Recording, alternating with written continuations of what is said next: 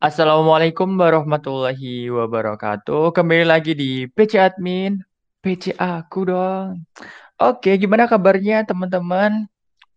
Baik pasti ya. Sebelumnya selamat pagi, selamat sore, selamat malam, dan selamat siang bagi yang sedang mendengarkan. Kita kembali lagi di PC Admin yang mungkin sudah beberapa waktu libur dulu ya karena membutuhkan liburan.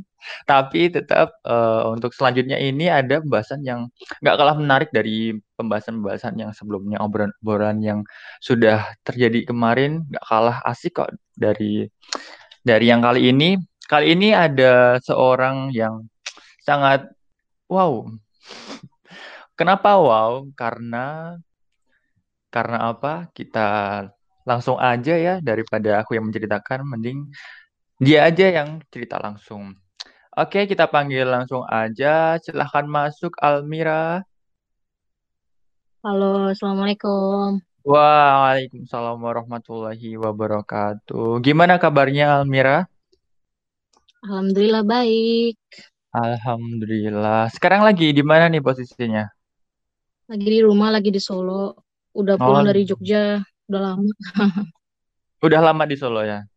Dari kecil. Iya. Oke, langsung aja Mira, perkenalkan dirimu apa yang mau kamu perkenalkan kepada orang-orang. Silahkan. Apa? Ya, simple aja ya. Oke.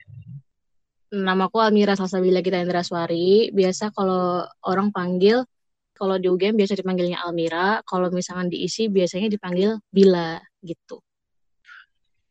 Wow, dari awal aja udah menarik ya ada dua panggilan.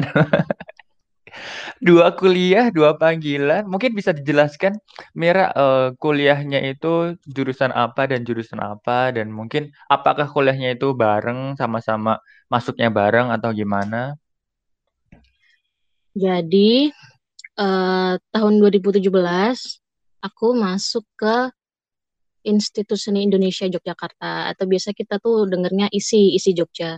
Di situ aku ambil penciptaan musik jurusannya. Terus habis itu ada cerita-cerita cerita-cerita akhirnya 2018 aku masuk ke Teknik Nuklir UGM gitu. Akhirnya ketemu sama Amin. Yeay. Wow, setelah satu tahun menunggu gitu ya, ternyata ketemu juga. Enggak sih sebelumnya belum belum pernah kenal ya. Terus apakah kamu itu punya impian atau punya keinginan kalau kuliah dua jurusan itu sejak SMA atau gimana Mira? Enggak ya, orang uh, apa namanya aku sendiri sih kayak masih nggak menduga bahwa Allah mengizinkanku untuk bisa kuliah dua ya. Masya Allah. Awalnya, awalnya sih uh, boleh cerita dikit nggak? Jadi boleh, banyak aja. dulu itu sebenarnya dari SMA aku pengennya ke kedokteran. Udah kayak fanatik banget ke kedokteran gitu. Di UNS doang sebenarnya pengennya di Solo biar masih deket sama orang tua gitu ceritanya. Terus singkat cerita dari berbagai uh, apa namanya jalur masuk masih belum dikasih rezeki sama Allah jadi belum bisa masuk ke kedokteran. Terus akhirnya berhubung dari mulai SMP itu aku udah belajar komposisi musik sama dosen isi. Jadinya waktu SMA itu dosen isi tersebut menyarankan aku untuk udahlah kamu masuk isi aja gitu meskipun sekarang aku nggak diajar sama beliau tapi beliau termasuk yang merekomendasikan saya untuk wah rame ya maaf merekomendasikan saya untuk masuk ke isi gitu akhirnya uh, lewat jalur mandiri aku masuk ke isi alhamdulillah keterima.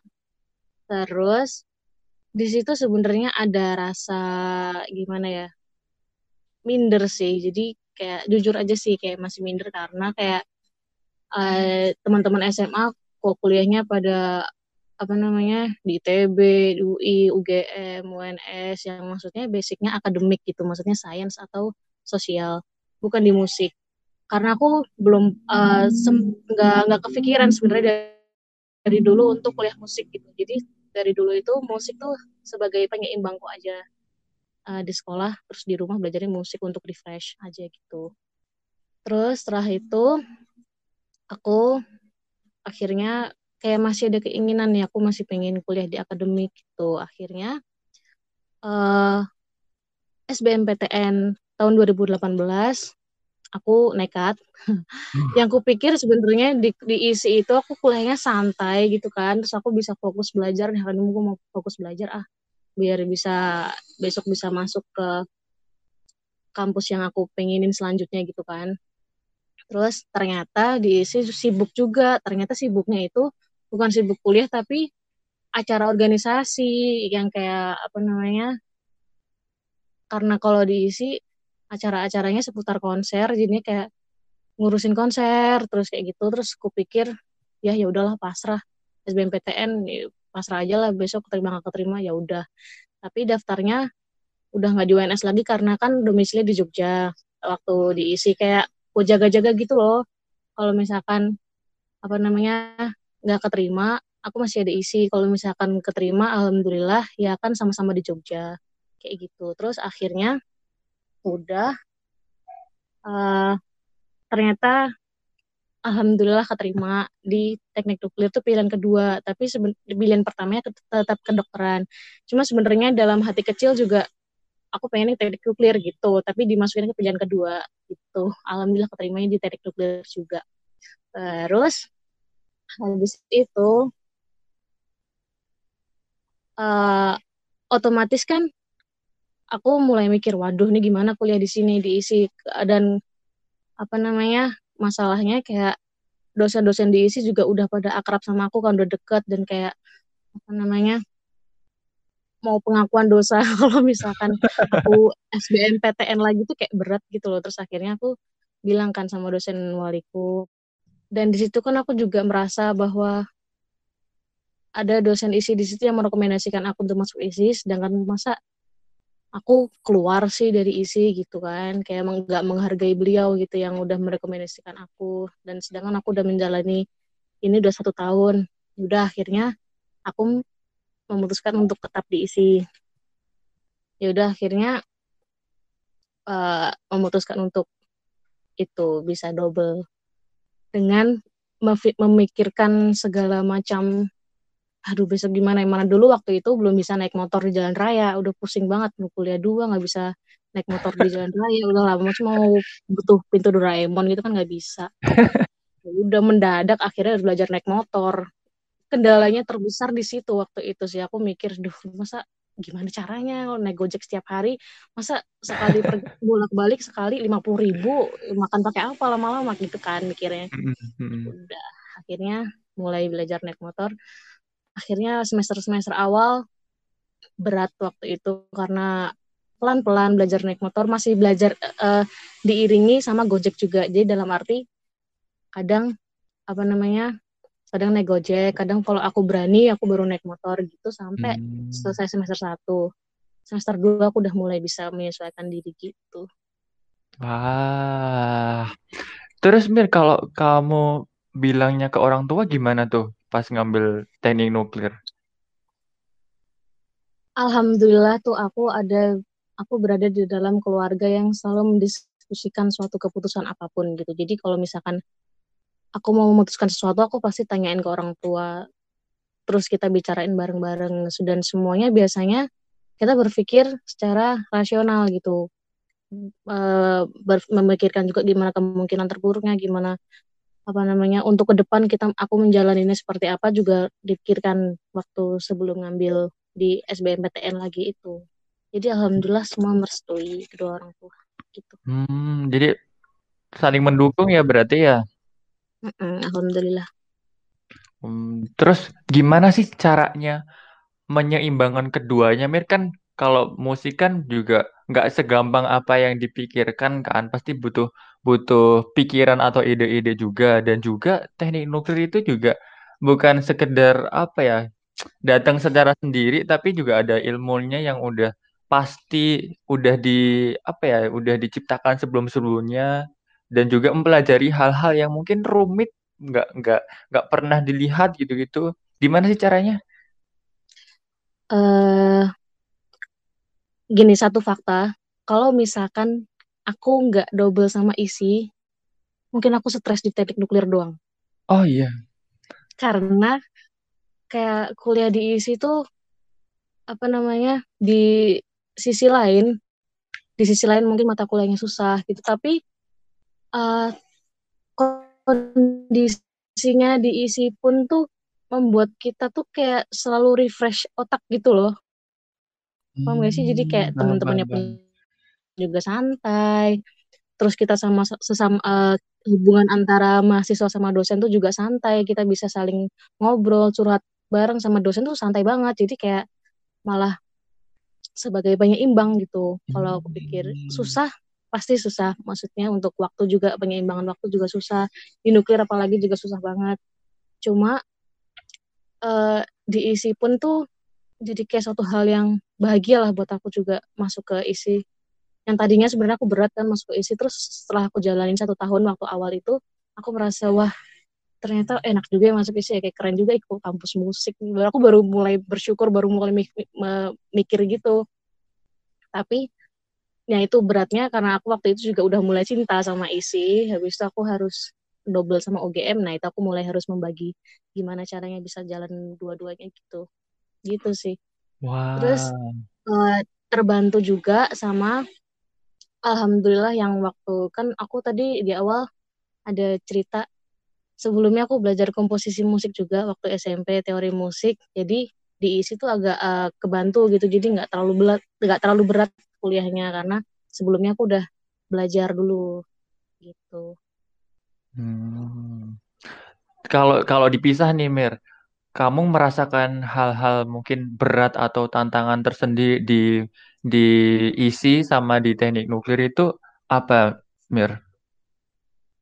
Tantangannya? Iya.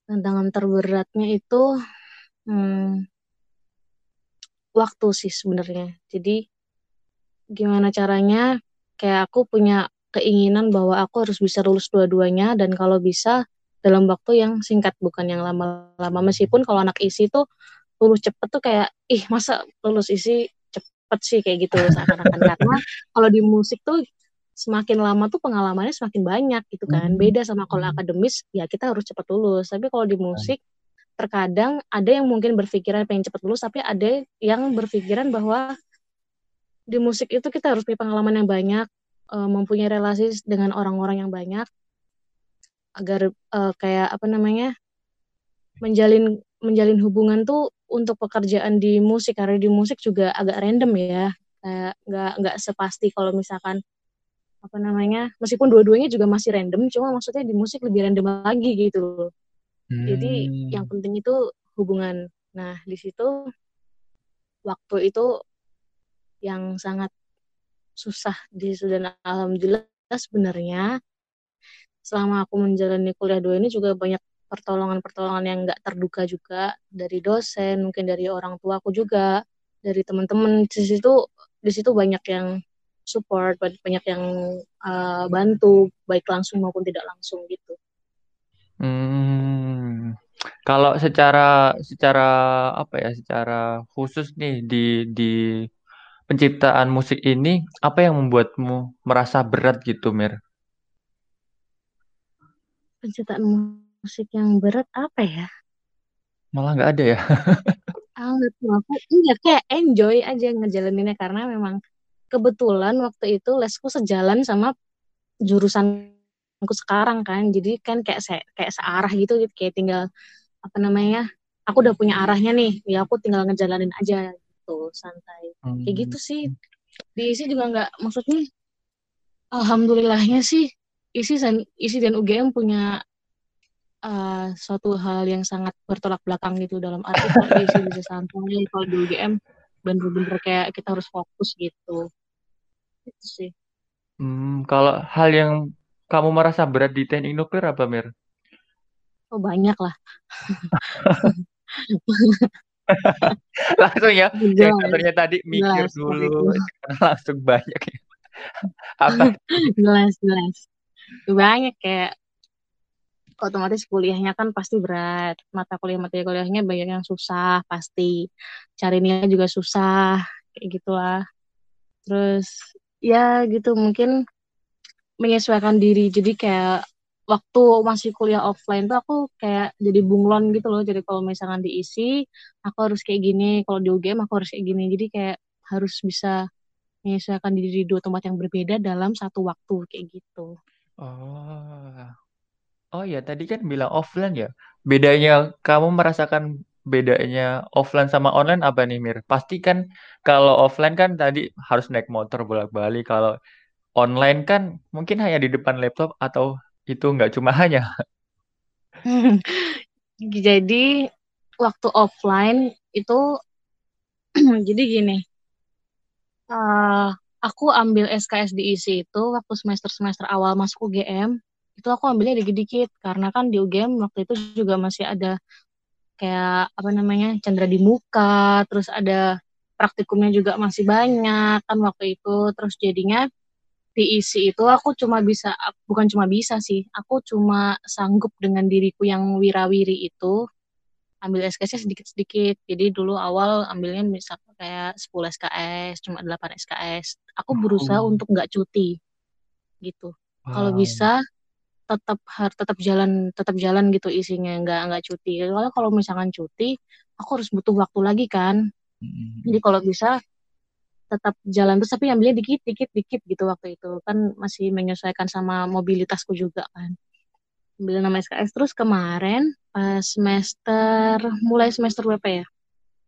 Mulai semester lima. Lima pak enam isi deh. Lima atau enam isi tuh aku udah mulai bisa nekat ambil 16 ambil 18 kayak gitu. Dengan yang di UGM tuh tetap di atas 20 terus ngambilnya. Mm-hmm. 20 22 23 24 ke, ke tetap lurus gitu terus tapi isinya yang fluktuatif.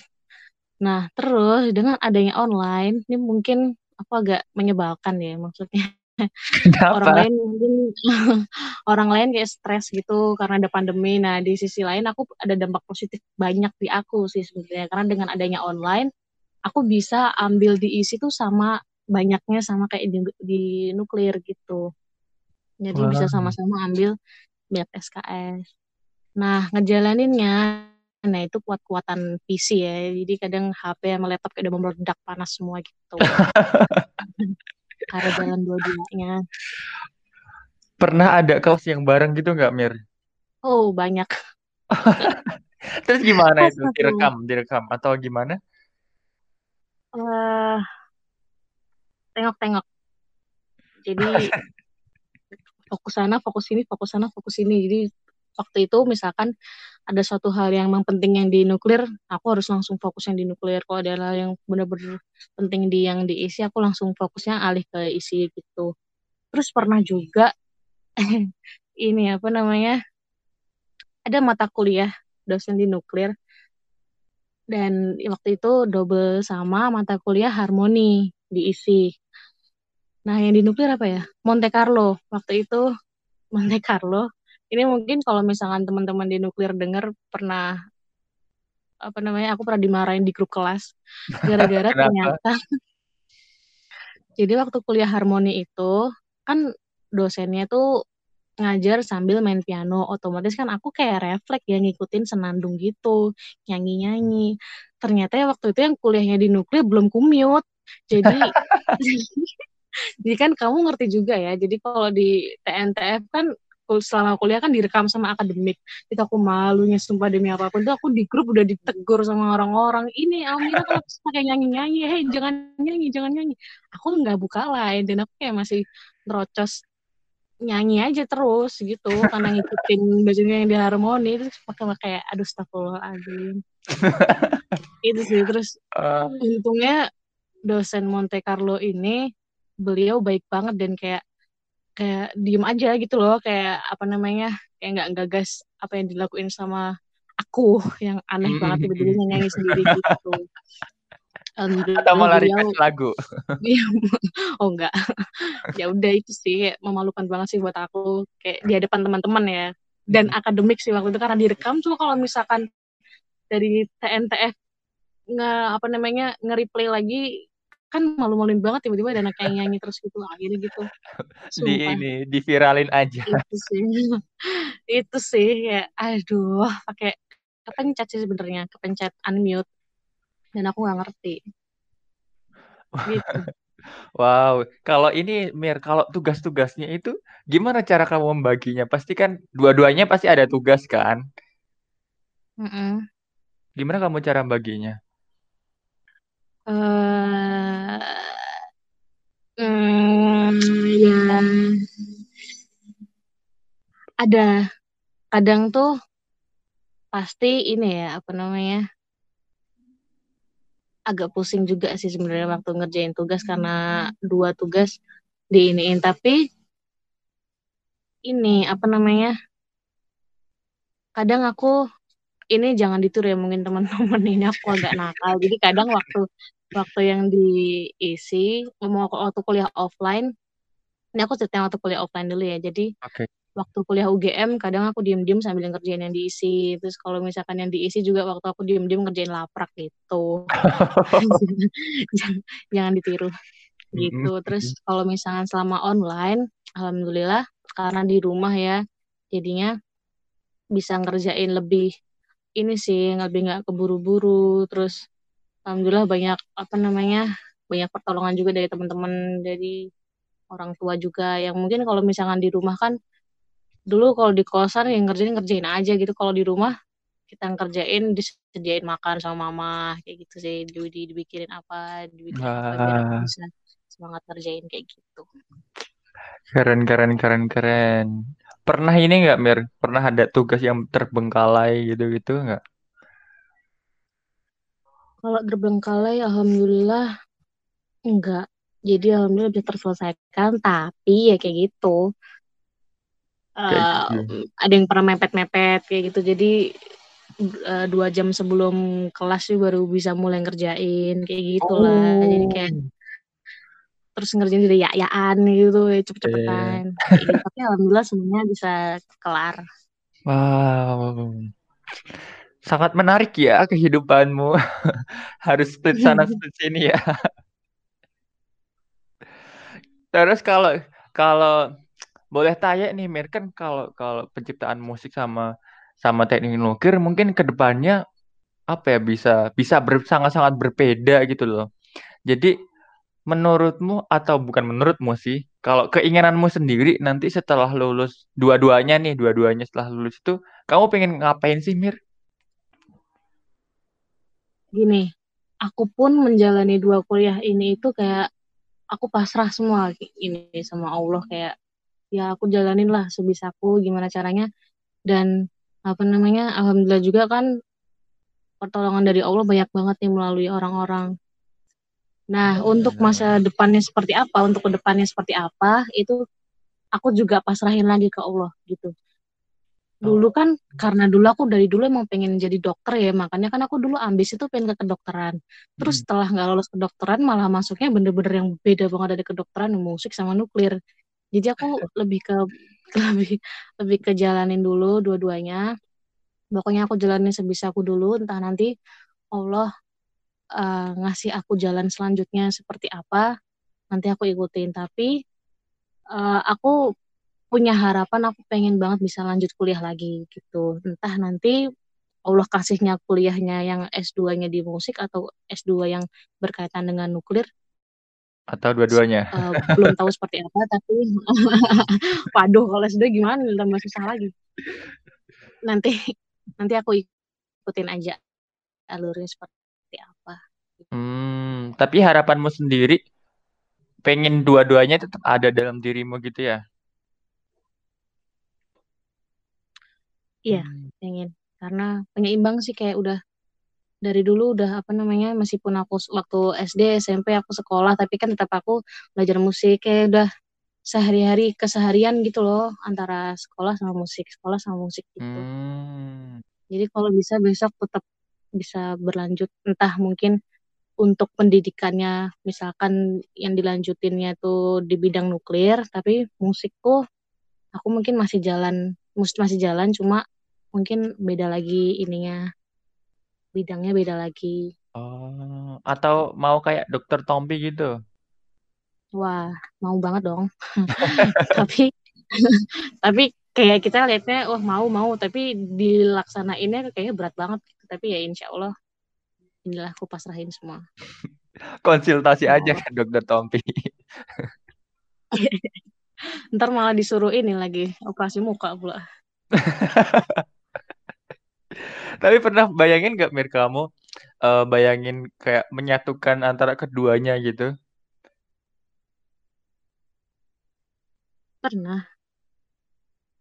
eh ada ada pernah apa namanya terpikir karena kalau misalkan musik di nuklir mungkin belum ini ya, belum belum ada implementasinya seperti apa. Tapi kalau misalkan nuklir ke musik tuh, aku pernah berpikir untuk pengen banget bikin karya yang berkaitan dengan nuklir gitu. Entah kan di musik itu semua bisa apa pun bisa menjadi musik gitu loh. Jadi kayak Ah, misalkan kemarin aku bikin karya untuk apa namanya? Aku pernah tertarik dengan apa namanya? bom atom Hiroshima Nagasaki yang aku pengen jadiin karya kan. Terus akhirnya ini gimana ya bikinnya? Oh, cobalah. Itu sebenarnya eksperimen-eksperimen kecil sih, maksudnya untuk di ini jadi nomor apa namanya? di reak, apa namanya di reaksi visi itu nomor masanya aku jadiin tema hmm. utama di karyaku itu kayak gitu. Pernah Ah, terpikir seperti itu, udah jadi cuma sebenarnya aku pernah mikir pengen banget TA aku seperti itu untuk yang diisi ya untuk TA karya tapi kayaknya untuk apa namanya belum belum tentu sih belum belum tahu bakal bisa kejadian beneran atau enggak. Karena kan yang kalau misalkan dari nuklir sendiri di ke musiknya juga aku butuh banyak belajar juga yang di bidang nuklir gitu kan. Kayak banyak rumus-rumus atau sesuatu yang harus ada satu garis merah di situ yang bisa menghubungkan ke musik. Nggak cuma nggak cuma selalu dalam misalkan dari angka itu dari nomor masa itu jadiin uh, melodinya terus jadiin musik gitu kan kayak uh, masih terlalu terlalu ini gitu loh terlalu samar jadi belum belum ada garis merah yang pasti banget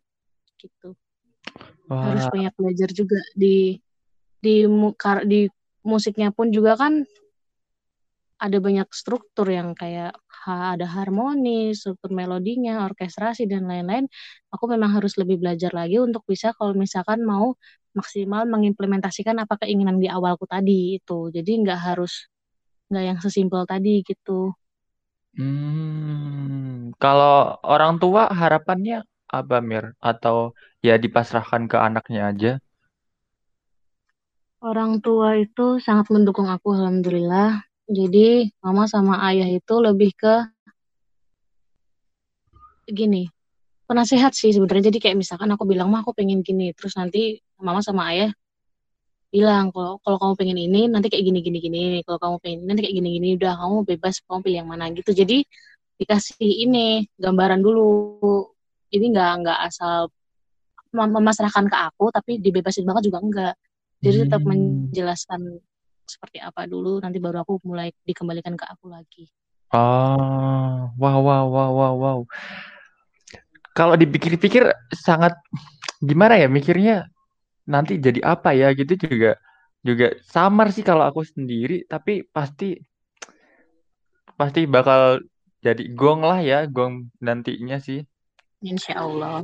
Amin. Terus kalau kalau mulai dari sekarang nih Mir apa apa ya kayak kiat-kiat kiat-kiat untuk kamu itu biar tetap mungkin tetap berjuang di di keduanya untuk apa ya menggapai harapanmu yang tadi di kemudian hari itu apa Mir kalau dari kamu? Dari aku semua dijalanin aja. Jadi jangan terlalu banyak apa namanya pikiran-pikiran kayak ah nanti kalau misalnya gini nanti gini lagi. Jadi nggak uh, aku nggak nggak terlalu nggak pernah mikir negatif untuk uh, kekhawatiran itu. Aku jarang khawatir dengan sesuatu. Maksudnya dalam arti kayak apa namanya kalau misalkan ini besok gimana ya bisa atau enggak ya? Ini kalau ini gimana ya bisa atau enggak ya? Aku nggak nggak kayak gitu sih. Jadi lebih ke kayak aku jalanin aja aku jalanin aja. Dan kebetulan alhamdulillah tuh aku orangnya nggak pernah panik gitu loh. Jadi kayak deadline tugas udah mepet banget gitu kayak aku masih tenang aja kayak ya udah dikerjain santai. Nanti kalau nanti kalau misalnya aku panik tuh aku mikirnya kalau aku panik nggak bakal selesai. Yang ada malah kayak stres aduh duh, gimana gimana gimana? Gitu gitu jadinya lebih ke oke okay, ting waktu tinggal dua jam. Oke okay, ini aku bisa kerjain cepet tenang aja diem. Gak usah mikir yang aneh-aneh. Ntar selesai gitu. Jadi lebih ke tenang sih menurutku yang penting itu. Karena hmm. kita tuh aku uh, kuliah dua itu kayak dikejar semua sama waktu. Dalam arti kayak deadline yang jelas ya. Deadline tuh semua ngejar gitu loh. Jadi kalau aku nggak tenang kalau aku panik semua berantakan. Kalau aku nggak berusaha nyusun gimana caranya yang mana uh, prioritas ya, yang jelas ya yang mana harus aku kerjain dulu mana enggak dan tenang nyelesain semua deadline nggak bisa jalan gitu Wah, setuju, setuju, setuju. Mantap, mantap, mantap. Oh iya, Mir, pernah eh ada nggak sih kamu waktu untuk rebahan gitu? ada lah, masa nggak ada? ya kan sekali aja kan udah udah dapet jam terbang tinggi gitu kan sampai-sampai rebahan itu nggak ada, adanya ya langsung tidur gitu. oh, enggak sih. Kalau aku kayak apa namanya? Itu rebahan tuh termasuk dalam pengaturan jadwalku sehari-hari ya. Oh so, iya. Kalau nggak ada rebahan, kalau nggak ada rebahan aku stres mohon maaf ya nggak bisa oh, iya. dua-duanya gitu. Jadi kadang kalau misalkan emang ada habis ngerjain misalkan yang yang lebih berat kan yang di nuklir ya misalkan laprak laprak tuh misalkan aku udah kayak udah stres banget berat gitu ya aku pasti luangin waktu rebahan dan itu aku aku jamin jadi misalkan aku rebahan aku rebahan dari jam segini sampai jam segini nanti nanti setelah jam segini aku harus ngerjain lagi kayak gitu. Wow, ada konsep ya rebahan itu biar produktif, produktif bahan itu ada ya. Jadi kayak santai iya ada ada waktu santai pasti ada gitu. Nggak mungkin hmm. lah gila kalau misalnya orang kayak gitu stres lah. Ih sumpah nggak nggak pernah mikir aku kalau misalnya orang bener-bener kayak kerja kerjaan kerjaan kerjaan kerjaan terus wah nggak bakal bisa juga gitu. Hmm, ya, ya ya ya ya berarti masih tetap bisa liburan ya. Kalau liburan enggak sih ya, kalau liburan. kira mas. Ih, di garis bawahin perbahan doang, bukan liburan. Bahkan aku apa namanya diisi, eh bukan diisi di Jogja, selama di Jogja tuh kayak buat waktu jalan-jalan aja susah kecuali kalau buat cari makan gitu, cari makan oh baru bisa kita muter apa namanya aku muter-muter cari makan di mana gitu kayak udah refreshing banget gitu loh bahkan hmm. hmm, hmm. perjalananku dari UGM ke ISI pun tuh refreshing besar buat aku kayak kayak apa namanya kan 12 kilo ya yeah. 12 kilo setengah jam itu tuh kayak udah wah kayak lihat ya jalan tuh kayak udah refresh banget gitu loh bahagia banget semua apalagi di ISI kan ISI kan di Sewon mm -hmm. dia lebih ke kayak dan kampusnya pun kan dia di dalam pemukiman warga gitu banyak sawah di situ kita kan deket sama Parangtritis jadinya kayak isinya tuh pemandangan semua kan kalau diisi nah itu juga suatu hal yang sangat kusyukuri gitu yang aku dobelnya tuh diisi gitu loh jadi masih bisa sekedar ke kampus tapi itu bisa refresh gitu loh lihatnya hijau-hijau semua hmm. banyak sawah uh, gunung masih kelihatan kayak gitu Eh, berarti preferensi itu nggak nggak harus liburan ya? Enggak. Kapan ya terakhir liburan? SMA. Gak ada liburan. Iya loh. wow. Kayak apa namanya? Emang aku nggak agak nggak tertarik sih sama liburan. Jujur oh. maksudnya kayak bukan bukan nggak tertarik ya. Nggak terpikirkan. Ya aku terima hidupku seperti ini. Iya nggak oh. kepikiran kalau hidupku seperti ini ya udah dijalin aja liburan gak liburan ya udah gitu. uh, mantap sih mantap mantap mantap mungkin terakhir Mir apa yang kamu mau sampaikan kepada Almira yang akan datang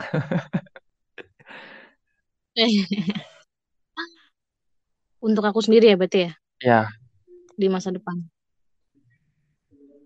ya aku besok Almira Almira besok tetap harus gimana caranya ingat dengan perjuangan-perjuangan yang dulu jangan sampai misalkan insya Allah Almira besok sukses nggak menjadi orang yang bisa sombong karena dengan hasil pencapaiannya, tapi Almira yang bisa ingat semua perjuangannya, Almira yang bisa ingat dengan kondisinya dulu seperti apa. Aku bukan terlahir dari orang kaya ya yang jelas gitu. Jadi aku ini yang perlu tekankan. Aku terlahir dari keluarga yang sangat sederhana. Di situ aku sebagai pengingat aja, besok kalau misalnya udah sukses, itu aku harus ingat bahwa aku dulu bukan siapa-siapa. Dan aku tetap harus bisa, uh, apa namanya, mensupport, menolong orang-orang yang mungkin di luar sana, uh, mungkin yang, apa namanya, anak-anak yang secara perekonomian keluarganya kurang baik, itu pasti ada jalan keluar untuk bisa sekolah gitu. Aku pun kalau misalnya dihitung secara matematika mungkin orang-orang lain berpikir bahwa oh Almira kuliah dua nih pasti kaya banget nih orang kayak gitu. Enggak gitu. Jadi dihitung matematika manusia itu nggak akan bisa. Aku bisa kuliah dua itu sesuai dengan kalkulatornya Allah, bukan kalkulatornya manusia. Gitu. Jadi, jadi kalau bisa besok aku tetap bisa rendah hati. Ya, selalu ilmunya bisa bermanfaat untuk orang lain selalu bisa mau untuk bantu orang lain gitu gitu amin amin jangan nangis. Enggak.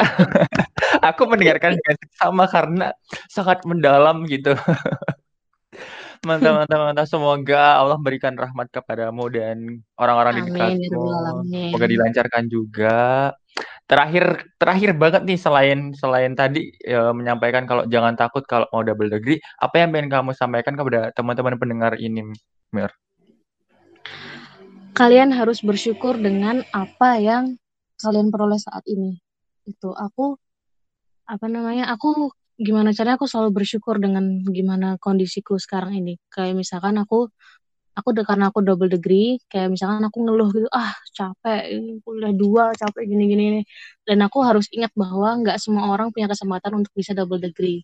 Nah untuk teman-teman yang mungkin fokus dalam fokus di satu kuliah kalian harus bersyukur bahwa di luar sana masih banyak yang nggak bisa sekolah padahal orang pengen sekolah pengen banget buat sekolah pengen banget buat kuliah jadi apa pun keadaan yang kalian alami ini disyukuri bahkan dalam keadaan pandemi seperti ini harus banyak-banyak bersyukur sih. Banyak menerima dengan lapang dada dengan kondisi yang sekarang ini.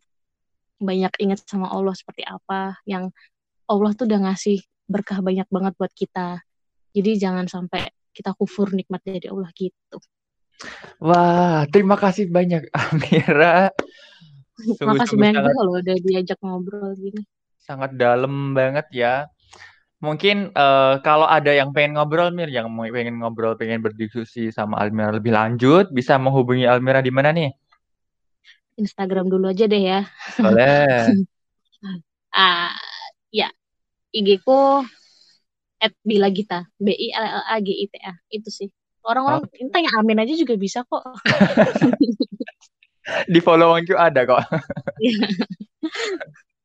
Oke oke, terima kasih banyak Almira sudah memberikan pengalamannya, ilmunya dan juga apa ya bener-bener kehidupan yang mungkin orang lain nggak terfikirkan bagi kita semua yang nggak mengalami itu kita bisa mungkin ber, lebih bersyukur lagi dengan keadaan dan juga tidak apa ya tidak tidak takut akan semuanya pasti bisa pasti bisa pasti bisa itu yang uh, bisa salah satunya bisa didapatkan dari Almira. Semoga Almira ke depannya bisa bermanfaat bagi orang banyak, terus diberikan kelancaran Amin, di ya segala ya urusannya oleh Allah Subhanahu Wa Taala dan juga dibukakan pintu rezekinya agar semua berjalan dengan lancar sesuai dengan kehendak Allah Subhanahu Wa Taala. Terima kasih Amin, banyak Allah sekali lagi. Terima kasih uh, banyak juga loh, Men. Makasih apa nih? ya, sudah dipanggil dipanggil sama Amin tuh wah luar biasa. Aduh, aduh, aduh, aduh. Besok kita panggil terus aja ya, biar biasa. Oke, okay. pokoknya sampai ketemu nanti di kesempatan berikutnya. Semoga menjadi orang yang lebih baik lagi, bisa Amin. sudah bisa membantu banyak orang, bisa menginspirasi banyak orang. Terus terakhir. Amin kami selaku tim mohon maaf atas kekurangan kami. kesalahan kami juga, juga kesederhanaan yang mungkin hanya bisa seperti ini kami uh, apa ya? Kami berikan. Nah, begitu. Pokoknya terima kasih buat Almira, terima kasih bu juga buat teman-teman yang sudah mendengarkan ini. Semoga ilmunya dapat bermanfaat buat kita semua. Oke, aku tutup sekian dari aku ya. Sampai jumpa di kesempatan-kesempatan berikutnya dengan mungkin diskusi dengan orang yang eh, nggak kalah menginspirasi, nggak kalah hebatnya juga, nggak kalah uh, berjuangnya juga. Oh iya, sebelum aku cukupkan, ada karya yang keren nih dari Almira yang judulnya Nuclear Number One, Nuclear Vision, yang akan kita putar setelah aku tutup ya. Oke, kalau gitu aku cukupkan. Terima kasih buat semuanya. Sampai jumpa di kesempatan-kesempatan berikutnya. Wassalamualaikum warahmatullahi wabarakatuh.